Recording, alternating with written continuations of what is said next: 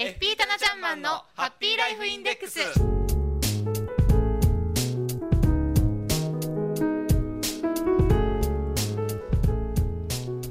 タナちゃんマンのハッピーライフインデックス。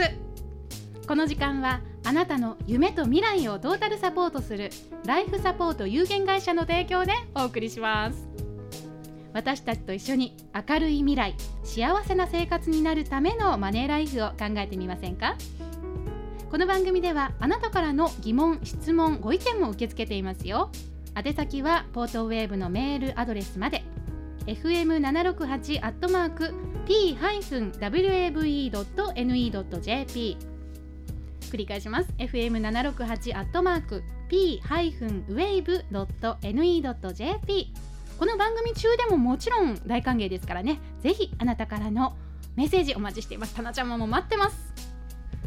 さあそれでは早速一級ファイナンシャルプランニング技能士でありライフサポート有限会社代表のたなちゃんマンを呼んでみましょう。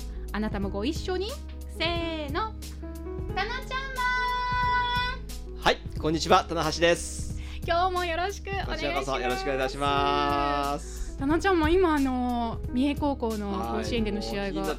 ね。テレビに釘付けですよね。まああの番組どころじゃないたなちゃんもなんですけど実を言うとね。いやいやそんなことはないですよ。はい。三重高校今勝ってますもんね。勝ってますね。このまま。試合で。このままね勝ち進んでほしいですよね。応援しましょう。はい、今日もよろしくお願いします。さあ今日のテーマお話はどんなことでしょうか、はい、今日はですね、えー、住宅購入の購入資金についてお話をしていきたいと思います。はい、アドバイスもいただけますかね、そうですね。はい、はい。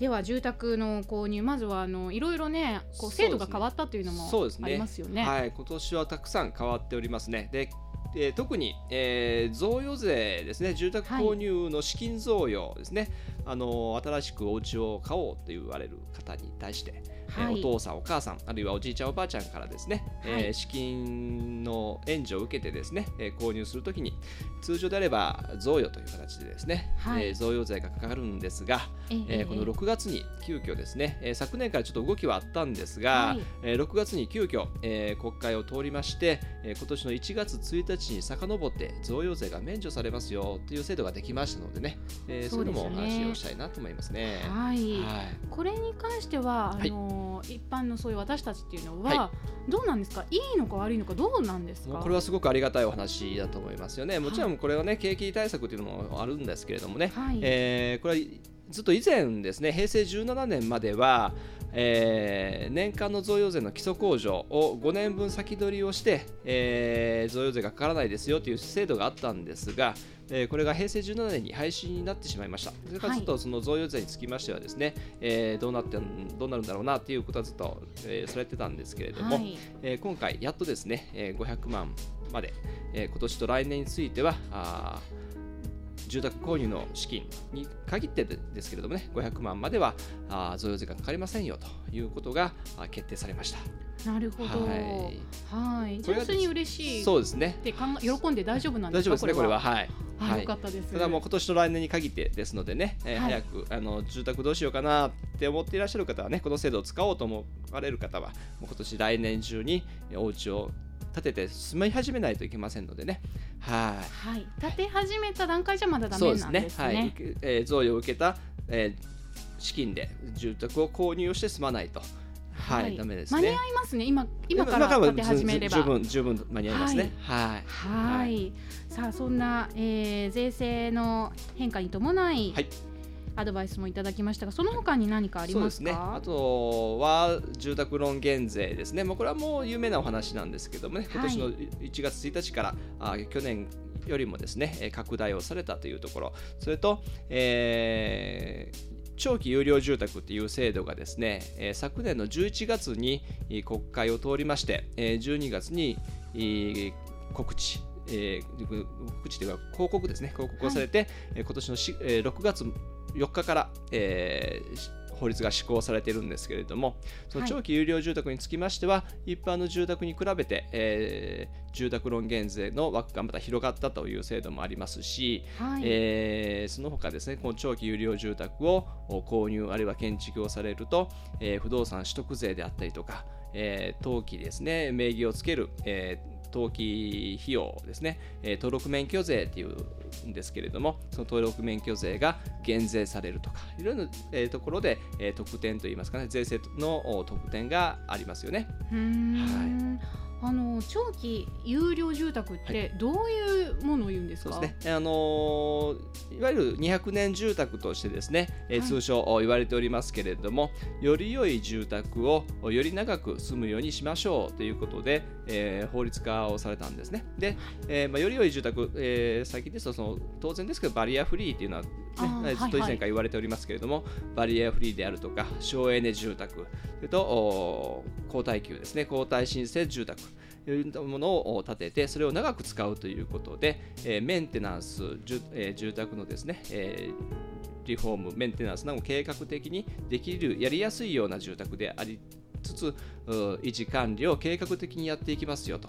いったものをお申請としてですね、はい。申請が認可をされて初めて長期有料住宅になるという形になります。はい。じゃああの購入するときにはい。もその手続きをしないと、審そうですね。査をしてもらって。そうですね。あの建築するときに審査をしないといけないという形になります。はははだから若干ですね、あのー一般の住宅に比べて、はい。えー建築費用ってあー高くなってしまうんです最初にはお金がかかりそうですよね。はい。えーかかってしまうんですけれども、それ以上にですね、えー税制の方で優遇がされているということですよね。うんうんうん。はい。なるほど。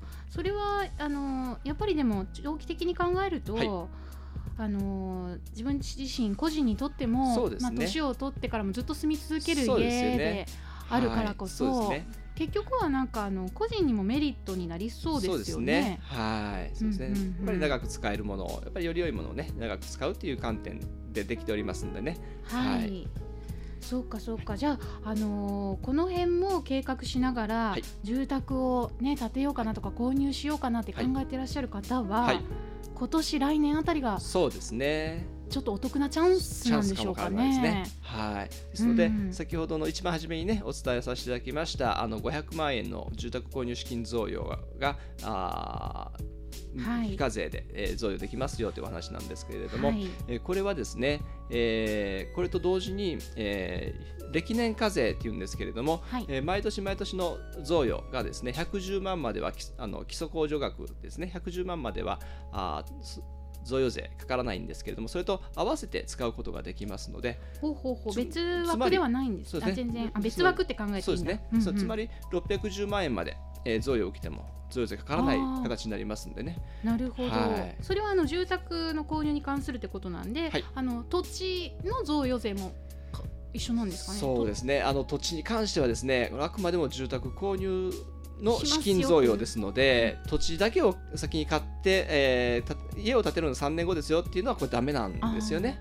あくまでも住み始めないとダメってありましたし。建物はい。住宅に関するですから建物なんですよね。土地は住宅じゃない、ありませんので、ね、土地付きの建物住宅を購入っていう一緒にセットなら大丈夫ですね。対象になりうる。はいはい、うんうんうん、なるほど、い、ろいろとこう消費者にとってはメリットが大きい。そういった制度の改革なのかなと思うんですけどねこの辺ってあのどうなんでしょうかね。こう政権交代とかにこう関わってまたそうです。まあとりあえずのまあこのえーまあ、法律化されたわけですから、えー。政権が変わったにしてもおこの、まあ、例えば500万は来年まではもう決定ですからね、はい。それはもう確実大丈夫ですね、それはじゃあ変わらないですよね,、はいね。今決まった施行され始めた、ね。ということで、そうですね。そうかそうか、はわかりました、えー住宅を購入しようかなと、近々考えていらっしゃる方はぜひ、はい。そうですね。チャンスですからね。チャンスということで、はい。今日はアドバイスをはい。いただきました。ははい。い、詳しくはまたあのそうですね。あのこ詳しくあのここういったところはどうなのっていう細かいところにつきましてねお問い合わせいただければいいのかなと思いますね。はい、はい。ぜひタナちゃんマンに、はい。えー直接ご相談いただければと思います。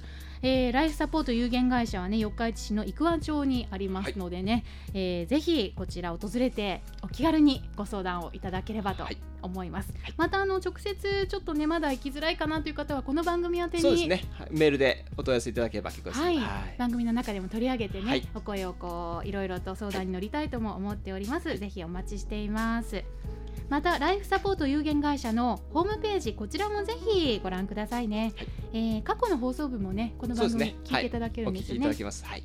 はい、えー復習をしたいなという方もぜひぜひお聞きください、またあのーライフサポート有限会社のホームページ、えー、とまだ見てないという方は検索エンジンでタナちゃんマンはい。はい、今ちょっとシンクロしましたね。はい、それで検索していただければ簡単に、えーアクセスできます。